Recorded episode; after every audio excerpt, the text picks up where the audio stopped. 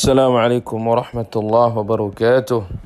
إن الحمد لله نحمده ونستعينه ونستغفره ونعوذ بالله من شرور أنفسنا وسيئات أعمالنا.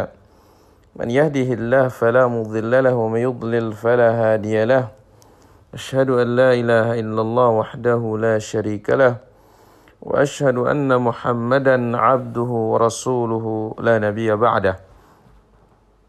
اللهم صل وسلم وبارك على عبدك ورسولك محمد صلى الله عليه وعلى آله وصحبه أجمعين wal muslimat rahimani wa rahimakumullah kembali kita dalam wasiat al-Imam Syafi'i rahimahullah dan kita akan ambil yang ketiga qala rahimahullah wa anna salati wa nusuki wa mahyaya wa mamati lillahi rabbil alamin la syarika lahu wa bidzalika umirtu.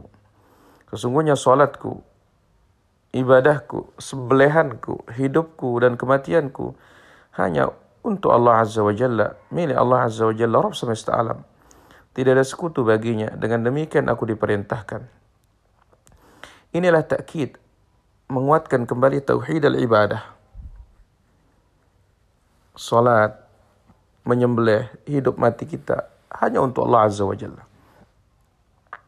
Setelah beliau menyebutkan tentang iman kepada Allah, di antara tuntutan dan konsekuensi iman kepada Allah, ifraduhu bis salah, mengesahkan Allah dalam salat, dalam doa, dalam menyembelih, apapun jenis ibadah, seperti ruku, sujud, bersumpah, bernazar, minta pertolongan dalam keadaan sempit, minta bantuan dalam keadaan lapang, takut, berharap, bertawakal, la syarikalah.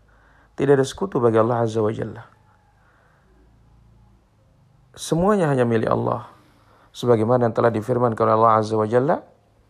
Qul inna salati wa nusuki wa mahyaya wa mamati lillahi rabbil alamin. La syarika lahu wa bidhalika umirtu. Wa ana awalul muslimin. Sebagaimana dalam surat Al-An'am ayat 162 163.